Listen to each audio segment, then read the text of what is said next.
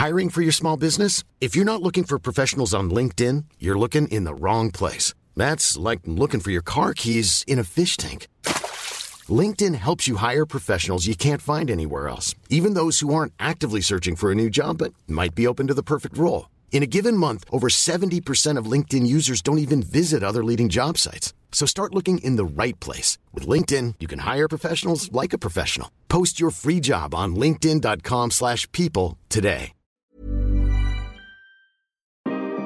You.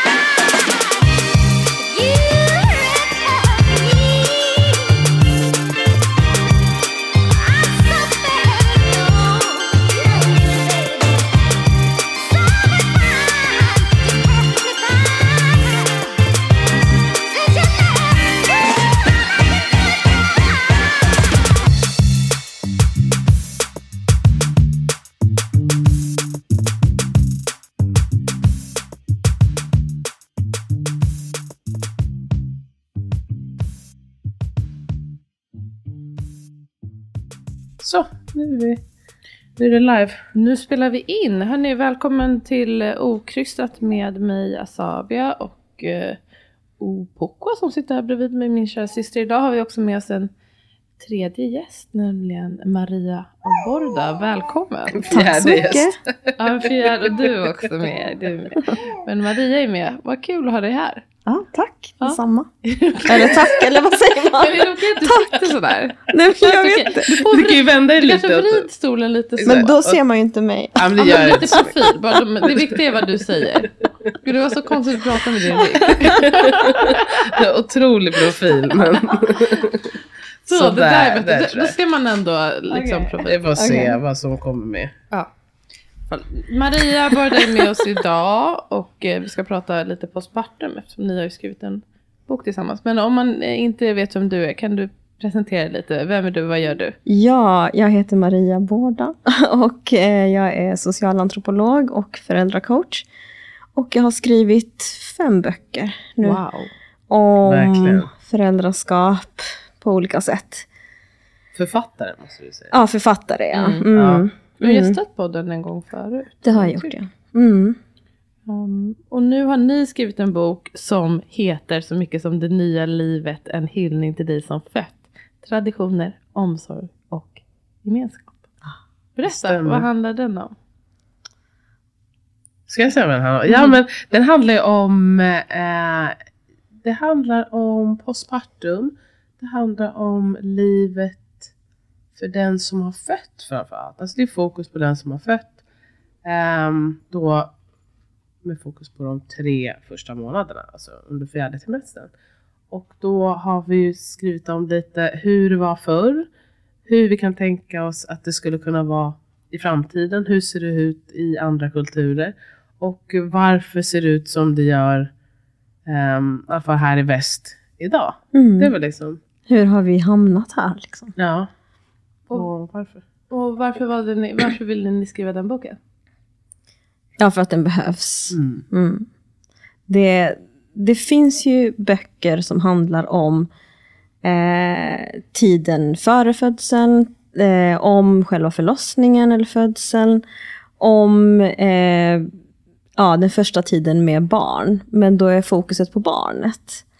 Eh, men det finns inte riktigt så många böcker i alla fall om eh, postpartum med fokus på den som har fött. Nej precis, vi var ju nu med i en annan podd. Då sa ju hon att hon hade skrivit en bok just om postpartumtiden. Men just att prata om det så här brett. Eh, liksom inte bara rent fysiskt, att liksom läkningsprocessen utan eh, mer, eh, ja, men mer brett. Alltså vad händer rent spirituellt, mentalt, fysiskt, hur andra påverkar. Mm. Och hur vi kan ta hand om... Och boken är ju inte bara skriven för den som har fött, utan den är ju inte. precis lika mycket skriven för omgivningen. Hur kan jag ta hand om eh, någon som precis har fött barn? Hur, och hur kan samhället eh, liksom se det som sin uppgift att eh, vårda, värda eh, och hedra den som har fött. Ja, precis. För jag tänkte fråga dig vem som är den tänkta läsaren. Jag förstår att alla kan säkert läsa den. Men har, hade ni någon, eh, någon specifik i åtanke när ni skrev den? Liksom, en målgrupp? Jag tänker, tror, tror jag i alla fall för min del, att jag i början när vi började tänkte att det här är för de som eh, ska föda barn. Um, men ju mer vi skrev, desto mer kändes det ju som att så här, nej men okej, okay, det är absolut till dem, men det är än mer till alla de som har någon gravid i sitt liv, vilket är ganska Mm. många. Alla. Eller som kommer att ha Mm. någon gravid i sitt liv. Alltså då pratar jag inte bara om partnern, utan alltså om man ska bli mormor, om ens vän ska föda barn, om en syrra ska föda barn. För att någonstans så blev det så tydligt att som det ser ut nu här i alla fall så är det ju mycket att man förbereder själv. Om man, om man gör någon förberedelse överhuvudtaget inför postpartum så står man för det själv.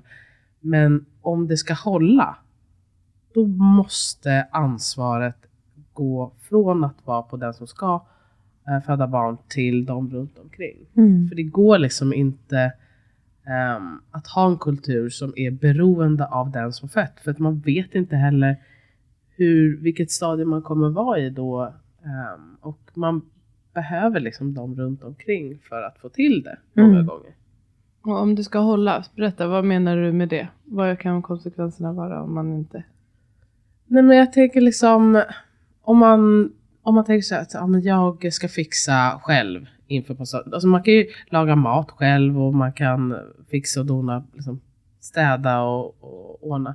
Men om man är trött, om man blir deppig eller om det är någonting annat. Liksom, det är väldigt svårt att liksom hålla ihop allting helt själv. Man behöver ju dem runt omkring. Alltså man behöver bli sedd, man behöver bli hållen. Ibland kan man behöva liksom rent ut sagt liksom bli matad, man behöver någon som hör av sig.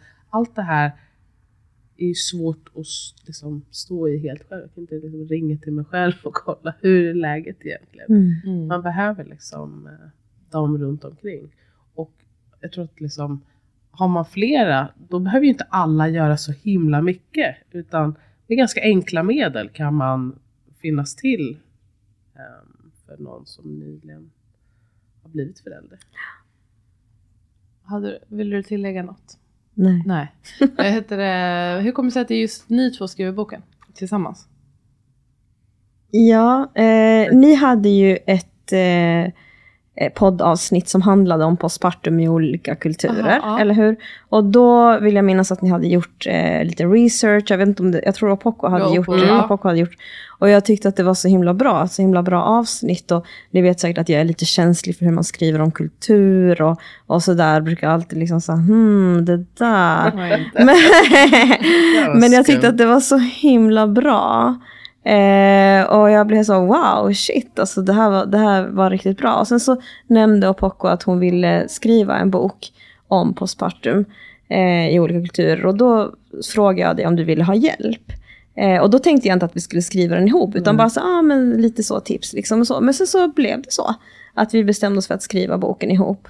Eh, och det har varit väldigt viktigt att eh, Opoko har haft en eh, syn på kultur som jag håller helt med om. Och också på födseln såklart. Ja. Ehm, Ja, det blev så bra grund. Alltså, det känns som att jag vet inte ens om vi, vi pratade ju lite om det, men det känns som att jag visste ändå ganska mycket vart du står och sen så väldigt tidigt mm, just vi pratade om appropriering och så här hur, att det var så viktigt att prata om kulturerna på ett respektfullt sätt, mm, men också att inte det blir så lätt också att man bara så här, ska hylla över allt annat. Där är det så bra Mm, och så mm. fint ordnat och så ser det så dåligt här. mm, Och att vi var så här, men vi vill ha en, en ärlig Mm. skildring. Man kan ju aldrig säga allting om en kultur, för den Mm. förändras också hela tiden. Men vi visste hela tiden, Mm. så här, vad är det vi få, vill få ut av det här? Och så, så blev det också väldigt tydligt, liksom, när vi hade skrivit lite, att vi kompletterade varandra så bra. Att, eh, alltså, jag jobbar ju med mitt och kanske liksom lite mer praktiskt är i mångas postpartumtid. ah, Medan ehm, Maria hade liksom en helt annan bakgrund. Och kunde liksom mycket fakta och historiskt historiskt, och hur saker gick ihop och sådär. Så det, det blev faktiskt skitbra. Ja, det hade varit omöjligt att skriva den utan dig och jag tror att Ja, det och verkligen har blivit helt, eh, en helt annan bok. Liksom. Det hade blivit Eh, ja, det Glatt. hade det blivit. Ja, ja. Och nu, nu tycker jag att den, den har väldigt många lager.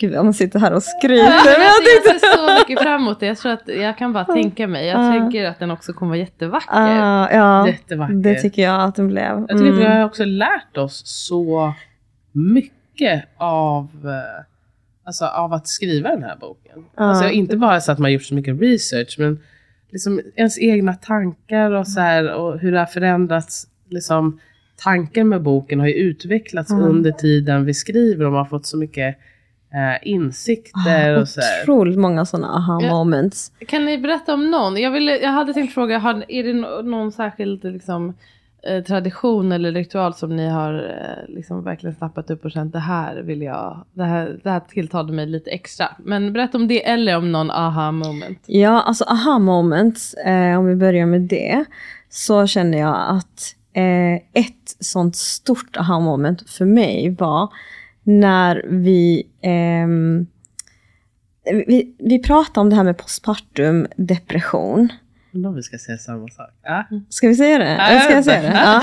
Nej men att eh, man här i västvärlden, när man tänker på postpartum depression, då tänker man ju att man ska behandla den som lider av det. Eller hur?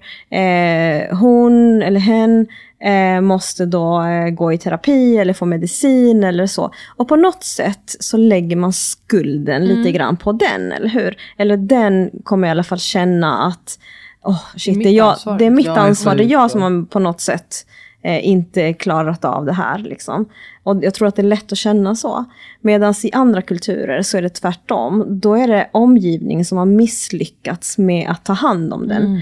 Och man pratar kanske inte om postpartum depression, utan man kan prata om att eh, hennes ande har eh, eh, stuckit iväg eller eh, Onda ögat. Eh, Hon har drabbats av onda ögat. Men symptomen är de samma. Det är det här med eh, att man kan bli apatisk eller man kan bli ledsen. Man, man, Dålig man, kontakt med barnet. Ja, precis. Man klarar inte av att ta hand om barnet eller man vill bara sova hela dagen och så. Och då, och, och då är det istället omgivningen som, som tar ansvar och säger bara ah, det är vårt fel för att vi inte gav henne tillräckligt bra mat. Eller sådana saker som att vi begravde moderkakan fel. Eller, eller vad det nu kan vara. Men det handlar i alla fall om att det är inte hennes fel. Det är vi som har varit dåliga på att Vi skydda alla, henne. Exakt. Vi är alla involverade.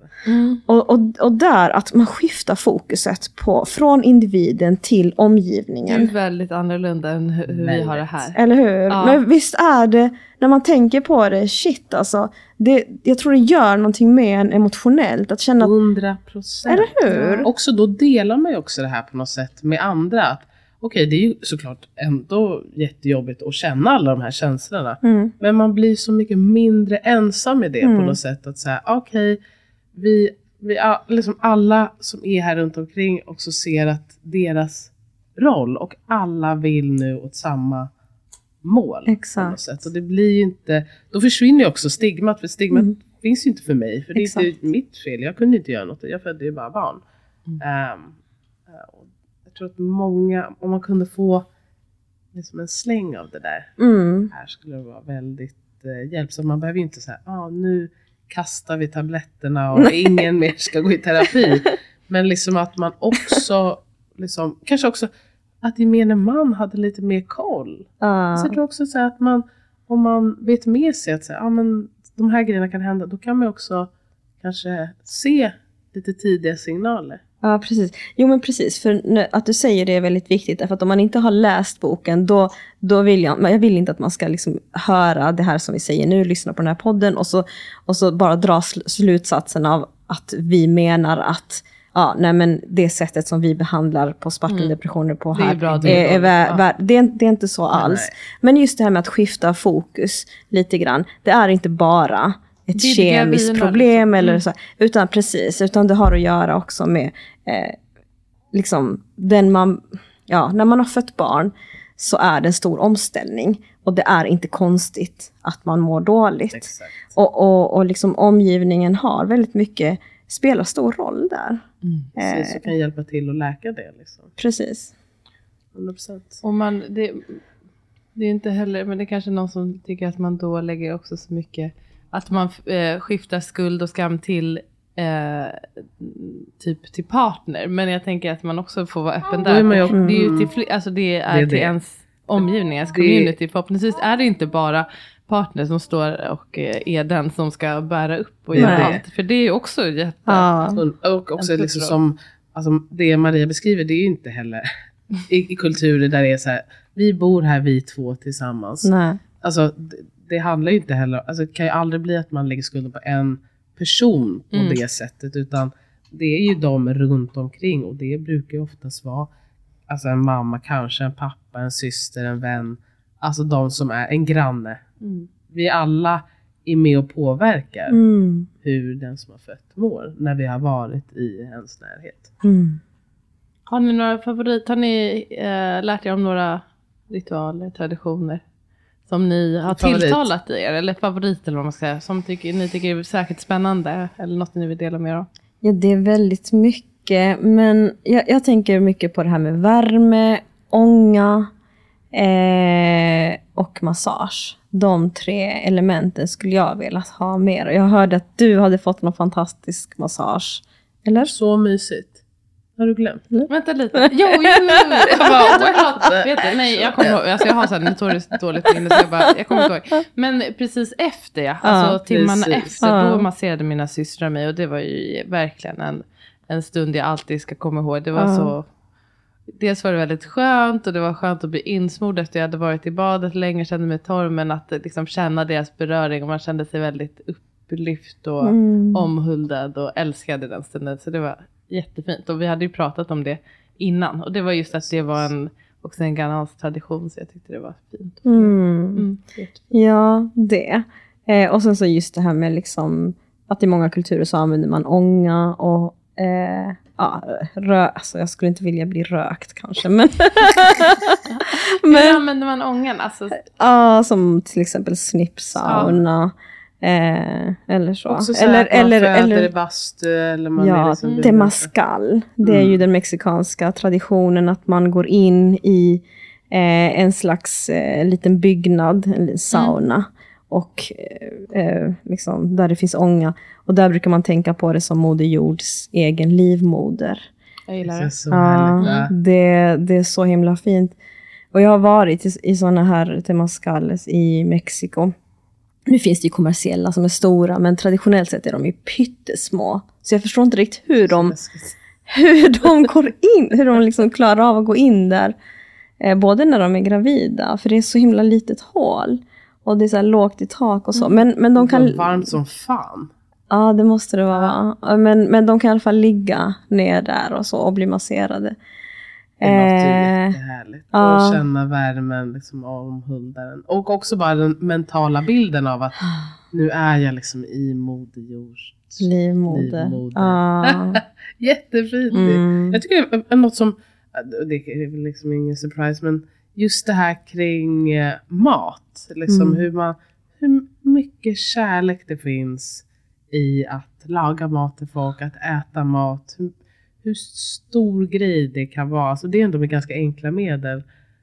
Um, det vanligaste rätten om man tittar liksom, på kulturer, alla kulturer vi har läst. Det, var, det som finns i alla är gröt, mer eller mindre. Någon form av gröt. Ehm, Här i Sverige också. Ja. Förut. Ja, precis. Då Mm, fanns det ju barnsängsgröt. Eh, så det, det är liksom det absolut vanligaste. Och det är så humble på något sätt. Mm. Men man blir mätt och bara det här att någon lagar till en. Det är varmt, det är mättande, det är stärkande. Och det, det kan man så lätt eh, ge till någon. Jag hade ju Mm. verkligen lyx att ni skrev den här boken precis när jag också ska. Så jag, fick ju, jag har ju blivit otroligt omhändertagen av eh, många, men eh, kanske allra mest av Opo. Och det här med maten, verkligen att man känner sig så älskad och Mm. bara att få i sig. Jag, jag, är inte, jag gillar inte att laga mat direkt annars heller, så det hade bara, jag hade levt på godis och granola. Ja. Men då fick jag så fin mat och den där gröten du gjorde. Den finns ju i boken. Den finns i boken. Systergröt. Ja, den var Som så den god. har kommit Mm. Den var så god faktiskt. Mm. Ja, Det är så mitt kärleksspråk, att laga mat till folk. Så det, det kommer jag absolut ta till mig. Nu vet jag inte om jag kommer om mina vänner kommer få fler barn. Men ja, Men deras barn kanske får barn. I framtiden kanske. ja men då är jag gammal. Du, vill, du kommer gilla att laga mat Om också. 20 år. Ja, ja. Men ni pratade lite om det här med också appropriera. Alltså hur kan man, det, det kan kännas lite kulturfattigt här ibland om man vill ta till och skapa sina egna ceremonier och traditioner och då är det lätt hänt att man lånar lite från andra. Hur liksom ska man ta sig an det utan att appropriera? Kan man göra det på ett respektfullt sätt? ja, det har ju varit väldigt viktigt för oss. Ehm, det, det är svårt att säga gör så här, gör inte så här. Eh, men det man måste komma ihåg är att kultur och traditioner är eh, flytande, levande, de förändras hela tiden. Så att eh, även om vi skulle liksom titta på någon kultur och säga men så här gör de och, nu, och försöka liksom copy-paste till vår kultur så skulle det inte bli samma sak. Ja. Men, men till exempel eh, mm, ceremonier tycker inte jag att man rakt av kan, kan kopiera. Alltså, där där känner jag liksom att det blir väldigt eh, approprierande på fel sätt. Ganska respektlöst ofta. För att Ja. man, det är också, man kommer utifrån. Ofta så har man inte helhetsbilden Nej. också. Man har, vet inte Varför? varför har de Ja. valt att göra så här på den här dagen på det här Mm. sättet. Utan man ser och tycker det här såg Mm. fint ut. Åh vilka vackra sjalar Mm. och grym Mm. låt de sjöng. Mm. Och så, här, så Mm. tänker man bara, vi tar bara lite av det här. Och så gör vi det till vår grej. Men det kan ju vara liksom Och det riter och traditioner som har liksom växt fram under tusentals tusentals år. Och som ord som kanske betyder Ja, otroligt mycket. ja. Eller symboler som betyder otroligt mycket. Som man använder som prydnader bara. Ja, liksom, och som hör helst. ihop en hel världsbild som vi inte har. Men det, det vi tänker eh, är ju att det finns vissa gemensamma nämnare i alla kulturer. Och det är till exempel värme, mat eh, och så vidare. Community. Ja, eh, bodyworks, alltså massage och grejer. Och sådana saker kan man ju eh, ja, göra, men på vårt sätt. På något sätt som funkar här, som passar här. Kanske Exakt, liksom. gräva lite i våran egen, egna traditioner. Precis, man kan ju gräva lite. Och så, så också så här, det är mycket grejer som kanske så här, nu har vi haft ett så stort glapp. ehm, på vad, liksom, mellan när vi faktiskt hade lite traditioner och nu. Så mycket kommer man ju också behöva liksom, Skapa skapa, nu och liksom, efter de förutsättningar som vi har nu. Till exempel liksom, massage. Det är inte någon kultur som har patent på massage. Nej. Och då kan vi, vad vet jag, rapsolja, svensk rapsolja. Mm. Massera någon med det. Ja, varför inte? Men vad, eh, det pratade vi lite om i det där avsnittet där vi pratade om Spartum-traditioner. Vad är tradition, alltså tradition kring postpartum i Sverige idag? Vad skulle ni säga? Finns det något sånt som är, har vi någon sån? Nej, det tycker inte jag att vi har. Alltså det enda eh, är väl lite grann det där med brickan som vi skrev om. Förlossningsbrickan. Förlossningsbrickan med den Symbol. svenska flaggan. Och sen så Eh, att partnern klipper navelsträngen. Mm, Ehm, Det är också Mm. inte standard överallt. mm. Men det är inte liksom så här, det är inte som att det är ceremoniellt. Nej. Alltså jag, ty- Alltså, jag, jag alla tycka fall- eh, brickan, Mm. men det är, alltså man har ju varit på många förlossningar där det är så här, ah, okej det är kul men och så, så pratar man liksom aldrig om det igen. Eller Nej. liksom, Nej, men och så, och så är det liksom, så varar det eh, 20 minuter och sen är det över, sen skickas Ja. man hem. Mm. Eh, och, sen, och sen är det fokus på barnet. Mm. Hur mår barnet? Och, och, ba, och eventuellt eh, att man kan döpa barnet eller, eller liksom Mm. vad man nu eh, kan göra. Men det är inget fokus på den som har fött. Ehm, Det är det faktiskt inte. nej. Jag tycker att eh, Maria, det var ju också något helt nytt för mig. Så det var så kul när du skrev det här med Tressens eh, kapitlet. Just att se eh, att, att eh, blivandet, alltså att bli förälder, bli mamma, att det är en övergångsrit precis som att liksom gå in i klimakteriet eller gå in i Puberteten. pu- puberteten. Mm. Att, för det, alltså när man säger det högt, då känner man så här, men ja men det är självklart. Alltså det är ju något livsomvälvande och man blir aldrig densamma efter det. Man är samma person men i ett annat stadie.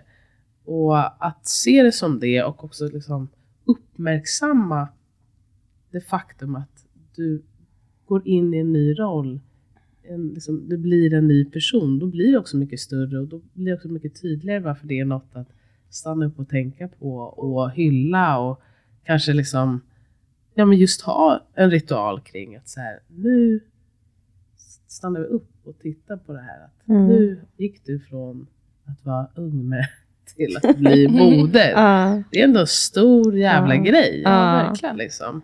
Både, alltså, fysiskt är det en stor förändring, men också mentalt och Hormonellt. Liksom, hormonellt och spirituellt. Att det kan ju Mm. vara en jättegrej. Och när man bara liksom flaxar förbi det, då tror jag att man, man missar en möjlighet. Mm, Liksom, mm. Att fånga mycket. Och det kommer ju inte automatiskt för, för många. Liksom, den här själv, själva känslan av att nu är jag faktiskt en mamma. Eh, det, det är inte så... Alltså, inte alltid så lätt. nej, man, man, man liksom tänker att ja, man ploppar ur sig ett barn och sen är man mamma. Men, men känner man sig som, Mm. det, som det? Eller har man liksom förstått vad det innebär? Har man hunnit vänja sig vid känslan av att nu är det jag och mitt barn? Alltså, för en väldigt lång tid framöver. Ja, och många tror jag känner också vid något tillfälle som en sorg. Att så här, Gud, jag kommer aldrig få vara den där personen Mm. som jag var innan. Nu liksom handlar Någon ändå... har, en, en del av en har ju på ett sätt försvunnit. Exakt, inte kunna absolut. 100 procent. Mm. Och, och den kommer man aldrig få tillbaka. Och att också få sörja det och få det utrymmet att sörja. Alltså jag tänker att ritualer handlar inte bara om att säga nu firar vi och allting är frid och fröjd.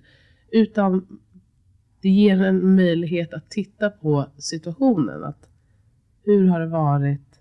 Vad är det som händer nu? Mm. Och vem blir du efter det här? Vad heter, du nämnde ordet mat- matrescence. Kan inte du beskriva det? Det kanske Opo gjorde lite grann. Men vad, eh, vad kommer ordet ifrån och eh, vad innebär det? Ja. Eh, det var en antropolog som hette Dana Raphael som myntade på 60-talet, 70-talet, inte helt säker. Eh, och eh, hon kände att det saknades ett ord för att beskriva just föräldrablivandet. Det har vi ju inte. Vi pratar om puberteten, tonåren, när vi går liksom från ett stadie till ett annat i livet, från att vara barn till att bli vuxen. Men att ehm, föräldrablivandet, alltså moderblivandet, hade många likheter med puberteten. Vi går igenom en hormonellt enormt stor förändring. Eh, vi får ett, eh, ett nytt ansvar. Ehm, ja, Ny vi- status i samhället Ny också. status i samhället. Vi, vi växer som personer på alla sätt och vis. Det är väldigt mycket stora förändringar. Eh, och att vi erkänner adolescensen, alltså puberteten, eh, tonåren som en sån omvälvande tid. Vi vet att tonåringar kan ha det jobbigt. Ehm, men vi erkänner inte riktigt att detsamma kan hända för någon som blir förälder eller mamma. Eh, och det, det är ju verkligen så att det Mm. kan vara jätteomvälvande. Men vi har inte ord för att tala om det med. Och därför så eh, ja, myntade hon det här begreppet om matrescence. Eh, och sen så finns det ett annat ord som var, varje gång som jag hör det så tänker jag på er faktiskt. Och det är parturescence. Och det är just, eh, det, handlar, det handlar om hur födseln, hur en positiv födsloupplevelse har potential att eh, ge positiva ringverkningar på hela resten av ens liv. Eh, alltså att när man har haft en fantastisk födsloupplevelse så kan det förändras så mycket för en. Eh, och det begreppet eh, beskrivs av det här eh, parturescence. Ja, Det är verkligen sant. Mm. Alltså det, är, det är därför man aldrig ska förminska upplevelsen. All, De flesta kommer ju ihåg sin födsel hela, eh, eller sin födsel, alltså när man har fött. Mm. Det bär man med sig oavsett om det är bra eller dåligt. Och är det en trygg upplevelse så kan man ju komma därifrån och känna sig så otroligt stärkt. Alltså rent kroppsligt att säga, gud min kropp klarar så mycket men också mentalt. Gud jag hade det Mm.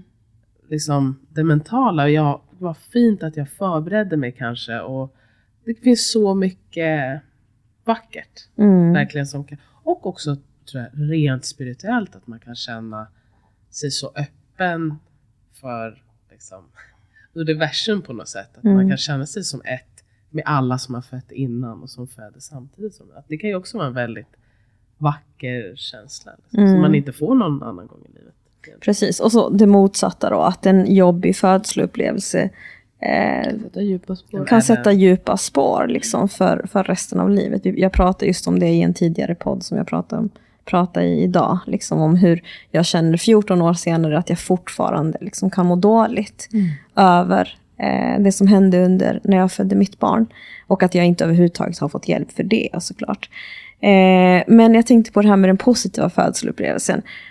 Tror ni att det ligger mycket jante i det? Liksom? Att, det, att det, det kan ses som lite så här... Hmm, jobb, Skrytigt, skrytigt. Ja, exakt. Jag tänker så här, kombination Ja. av jante men också att vi är så eh, just liksom antireligiösa på något Mm. sätt. Så att, att prata om det spirituella, att prata om liksom något större än det rent fysiska på något sätt. Det har vi sällan ord för och att man liksom knappt kan tänka sig in i det. Men också att så här, inte ska väl jag skryta för att folk har det så dåligt. Typ. Ja, precis. Och, och jag tror att har man haft jobbiga upplevelser så kan det vara väldigt jobbigt att höra att någon har haft det jättebra och att de tycker att det har varit en fantastisk andlig upplevelse för dem. Att man har gått miste om det och att man känner liksom, gud, gud vad jobbigt. Betyder det då att jag aldrig kommer kunna nå Det- dit på något sätt? Det är så svårt för det är också många som säger men gud jag får aldrig höra några positiva upplevelser så jag tror att det ska vara så dåligt. Mm. Så där behöver man ju liksom på något sätt höja taket lite Ja. grann. Att liksom Verkligen. alla historier ska ju kunna få plats. Ja. Jag tycker man, alltså när man pratar om hemfödsel och hela den och vilja göra det, det kan, då märker man att det ligger mycket sorg, mycket trauma, mycket missunnsamhet och alltså Mm. provokation kring det valet bara för att ja, men vad man själv kanske har varit med om och vad man har kanske gått miste om. Fast Mm. det kanske uttrycker sig i någon typ av ilska istället. Mm. Eh, men att det kanske bottnas i att man har blivit berövad någonting som man egentligen kanske hade önskat. Men också mycket sant. okunskap och oförstående kring det hela. Men, Mm. Sen tänker jag att också så här, det finns så oftast ett så kort fönster att prata om sin födsel. Alltså Mm. det är som att det är direkt efter man har fött, då kommer folk fråga, ah, men hur gick det? Och så är det då man pratar om födsel, för många. Och sen så slutar man prata om det. Mm. Ehm, och många som inte har fött barn tidigare själva har kanske aldrig hört en förlossningsberättelse förut. Mm. Så det, det är också att man behöver ju, det behöver ju bli liksom lite mer, brist på bättre ord, men så normaliserat. Att man, Mm. man pratar om att det kan gå bra och det kan gå dåligt. Och att man inte alltid behöver prata om hur dåligt det gick när någon är gravid. Det brukar vi prata om. Ja.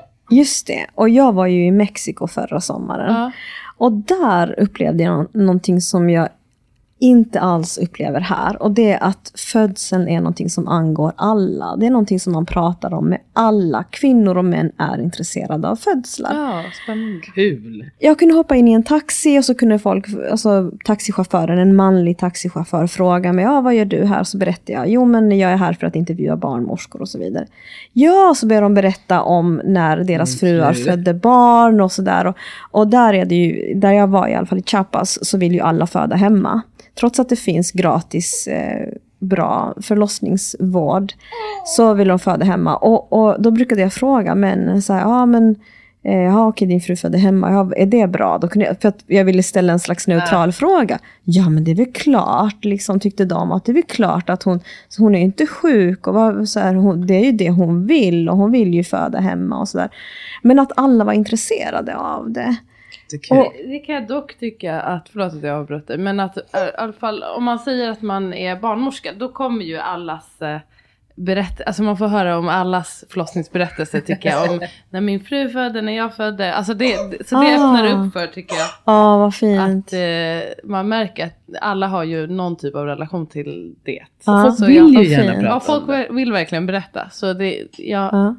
Ja, jag känner att jag hör många berättelser och det tycker jag är så Ah. spännande och kul att höra också. Ja, vad fint. Jag tror aldrig jag har hört män prata om det här i Sverige. Nej, Det, Nej. ja. Det är inte så ofta så här, ah, ingående. alltså att man pratar på en middag, bara så här, ah min födsel, bla bla bla. Alltså det är väl kanske just att så här, ah, man vet att du jobbar med födsel, så då öppnar det upp för Ja. att så här, du kommer förstå, du är intresserad, andra människor är inte så intresserade. Ja, det där var min. Det där är din. Drack jag av den innan? Jag vet inte. Jag tror Jag har inte Ja. herpes just nu. Nej. Men vad spännande också att det är så annorlunda. Alltså att då, då vill alla, där vill alla föda hemma och eh, man tänker på det som någonting friskt. Och, Precis. ja, intressant. Kommer ni skriva lite? Alltså det, det var för boken du var Ja, där? ja. Gud vad spännande. Hörni, vi ehm, ska wrap it up snart. Men jag undrar, det här har ni säkert eh, haft lite Jag jag ser lite olika artiklar om på postpartum hotell. Vissa som är så här superlyxiga i Sydkorea och du vet, jag vet att det finns något superlyxigt i New York och sådär också. Vad tänker ni kring det? Är det någonting, ja vad tänker ni kring det helt enkelt? Jag tänker, alltså jag, får, jag tror både jag och Maria har fått, inte minst den här New York Times-artikeln, till Hundra gånger. Och också olika så här, ja men, this is how it was for me when I had my kid in South Korea, typ så här, olika reels. Jag tror att det är väldigt lätt ehm, att romantisera. Mm. Alltså uttaget, liksom, andra kulturer, att man tittar, kolla, kolla, de, har de, har, they have it Mm. made. Men jag menar, och jag tror att, är det bra att det alternativet finns? Ja, det tror jag. För, för många skulle det vara toppen, speciellt om du inte har, du kanske inte liksom, känner din familj eller du kanske inte kommer överens med dem. Eller du kanske kommer överens med dem men du vill liksom inte att de ska ta hand om dig. Eller så har du inte folk runt omkring. Alltså det kan ju vara så mycket grejer som gör att man säger, ja men hotell det blir bra för mig. Men också finns det ju många som beskriver det här med hotellen att det har blivit som en motreaktion i Sydkorea nu, framförallt efter covid, när man är mer inne på sitt rum istället för att socialisera med de andra som har fått barn. Att nej, vet du vad, vi skiter i det här med hotellen, vi bor hos våra föräldrar igen. För att ett, jag vill inte bli separerad från mitt barn. En grej med hotell är ju ofta att någon nanny eller någon sköterska tar barnet för att man ska kunna sova och att man inte riktigt får bestämma själv när, var och hur det ska ske. och sen, ehm, man får, alltså besökstider också bestäms, det är någon annan som bestämmer. Det kan ju vara jätteskönt, för man kanske inte känner att jag har inte i mig att säga nej till folk. Medan en annan känner, men jag vill faktiskt att min man ska sova här. Mm. Och, så det finns sådana Mm. fördelar och nackdelar, men det skulle vara precis som med födandet. Alltså det är bra om det finns fler alternativ, för vi har olika behov. Och att ha någon sån typ av instans skulle ju, tror jag, för många kännas väldigt Mm. eh, skönt att man kunde bli sedd och pampered och speciellt om man inte har det här med att, liksom, att man kan bo hemma hos sina föräldrar eller liksom community-grejen. Då kan ju det vara en länk, någon som kan lära en liksom, om lite basala grejer kring Mm. liksom, att ha ett barn och vad som händer fysiskt med kroppen och sådana här grejer. Det enda är ju att det är väldigt mycket pengar Ja, i precis. det där. Att det, det kan vara Jajamensan. otroligt dyra. Eh, Ja, det kan vara helt Ja, alltså sanslöst. sanslöst dyra, en- verkligen, i alla fall i USA. Sen Mm. såklart i, i Sydkorea och Kina också. Men eh, ja, att de liksom ger ut sådana broschyrer med menyn då, liksom. Att folk vill veta vilken mat som bjuds, det är det viktigaste Mm. tydligen. Och att, eh, ja, det, det kan vara väldigt, väldigt dyrt. Mm. Det finns ju också lite alltså, så här, subventionerade alternativ och lite billigare Mm. eh, alternativ också. Men som så mycket grejer, det blir liksom en statussak. Men jag, läste ju om några sådana postpartum som var Ja men det var så här, ja det var limoservice, att man blev upplockad då i en limo från sjukhuset till det här och då var Egyptian cotton som man låg på. Så tänkte jag bara så här, Mm. vilket slöseri. Man bara ligger där och läcker Mm. alla möjliga kroppsvätskor på de här, den här Och det egyptiska man behöver är kanske en kram. Ja. Eller något. Ja, men det finns någon som är anställd för det också. Någon som sköter, liksom Som håller i dig. tuttarna, Ja. någon som kramar, det någon fysioterapeut. Alltså det fanns Ah. Någon som kramar. säkert, om du kan säkert betala för det. Jag vill Och inte ha maten, betalt kram. riktig lyx. Alltså det verkade ju Toppen. Ja, jag hade gärna bott där. Men eh, också, jag får också skickade reels med postpartum doulor. Det verkar också vara lite mer, komma lite mer Ja. sånt. Precis, det, det har ju börjat komma lite mer här i Sverige. Mm.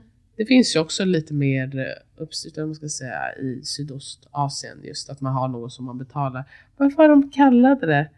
Eh, det var typ som mormor, det någonting mormor. Alltså så att man ska ta, man ska ta hand, de kommer dit för att ta hand om den som har fött men också barnet. Mm. Mycket att bo med en och det brukar vara tror jag, alltså under hela typ fjärde trimestern eller Ja. 40 dagar. Och lagar mat och städar och kanske gör någon sån här belly wrap och lär en allt. Man kan tänka sig eller ta hand om andra barn. mot, alltså om man inte har en förälder Familj. som kanske kan, Mm. eller familj som hjälper till. Det. Var ju fint eh, det som, eh, det som man kan göra i Indien, att man kan hyra någon som kommer hem och masserar en. Mm. Ger en sån speciell liksom, postpartum-massage under ja, en månads tid. Och som till och med liksom bor hos en. Och, så. Det, och det, är- det är säkert inte alla som har råd med Nej. det. Men ja, Härlig möjlighet. det finns. Ja. Det är ju kul att det finns. Alltså, det finns ju vissa som, alltså att man har pengar, men man har inte människorna. Alltså Mm. expert bland annat. Ja, också Mm. andra som bara säger, vet du vad, jag, jag har inte den relationen med min Mm. familj. Men jag har det här liksom jobbet som gör att jag tjänar massa pengar. Och då är det ju fint att det finns hjälp eh, att få.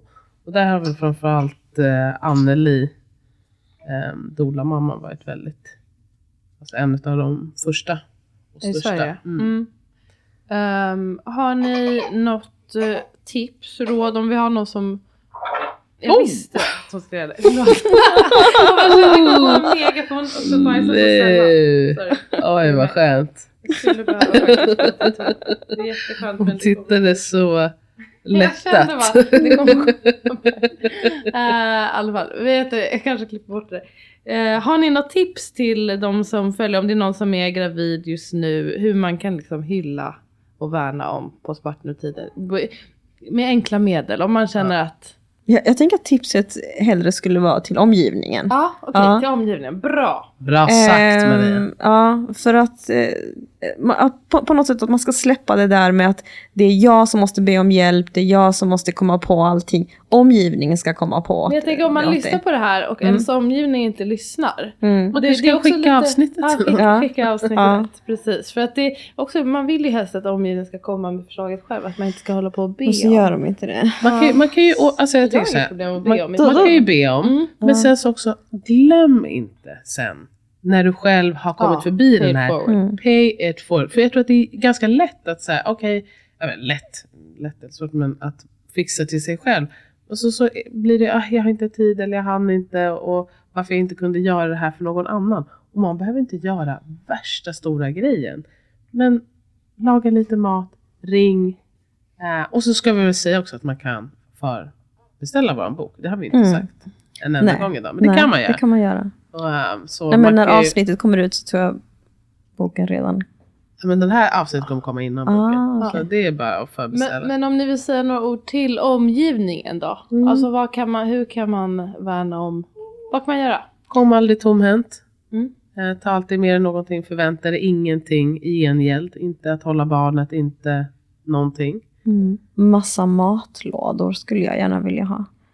Eh, ja, att någon gör massa god mat åt mig. Ja. Som man kan frysa in och ha färdig. Liksom, någonting som är lätt att äta. Gör en nesting party som vi Ja, gjorde jag för tänkte dig. precis säga, det var ju fantastiskt att ni ehm, kom och gjorde som en, näst, var det överraskning till mig? Jag kommer inte ihåg, det var Mhm. du som fixade det. Och då kom med ni, mina systrar, min mamma och eh, Några kompisar och bara fixade hemma, frågade vad jag typ behövde hjälp med. Jag behövde hjälp att organisera upp barnens garderob. Jag hade, ville ta tag i balkongen som var typ en soptipp. Då bara röjde de det och Opo du lagade massa mat som var i frysen, massa goda saker. Och jag fick lunch och eh, de bara städade. Och vi satt och snackade fixade. Och lite, och liksom. snackade. Ja, det var underbart. Jag kände mig, det, alltså det där, den där praktiska hjälpen eh, var fantastisk. Det är det. Och också en, om man inte ens är, är man inte alltid i samma stad heller som någon som man älskar som ska bli förälder. Bara ring. Mm. Eller Ja. skicka ett sms. Ja. Och bara, jag undrar bara hur läget med dig. Ja. Ja. Det är, a little goes a long way. Mm. Verkligen. Är det något jag har missat som ni vill säga? Eller ska man bara läsa boken? Ja, men man måste läsa boken. Ja, precis. Kommer Den blev fan skitbra. Det? Än? Det har vi ingen aning om. Nej. Det får man se. Jag får helt enkelt öppna en bok och läsa den. Eh, tack snälla Maria att du kom och gästade oss. Det har varit supertrevligt. Tack så mycket. Tack att du skrev en bok med mig. Åh, Det blev dig. jättebra. Ja, jag är väldigt glad över det. Så stolt. Mm. över oss. Ja, det ska ni vara. Mm. Hörni, tack att ni lyssnade. Eh, vi hörs nästa vecka. Det gör vi. Puss och kram. Hej, hej.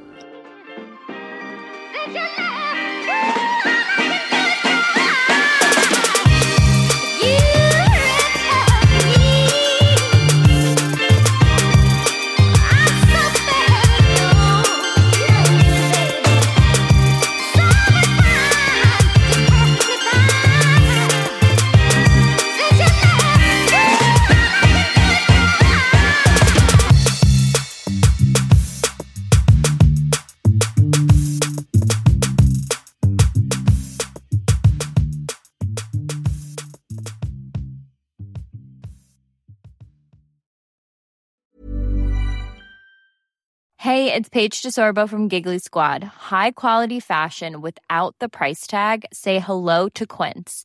I'm snagging high-end essentials like cozy cashmere sweaters, sleek leather jackets, fine jewelry, and so much more. With Quince being 50 to 80% less than similar brands. And they partner with factories that prioritize safe, ethical, and responsible manufacturing. I love that. Luxury quality within reach. Go to quince.com slash style to get free shipping and 365 day returns on your next order. Quince.com slash style.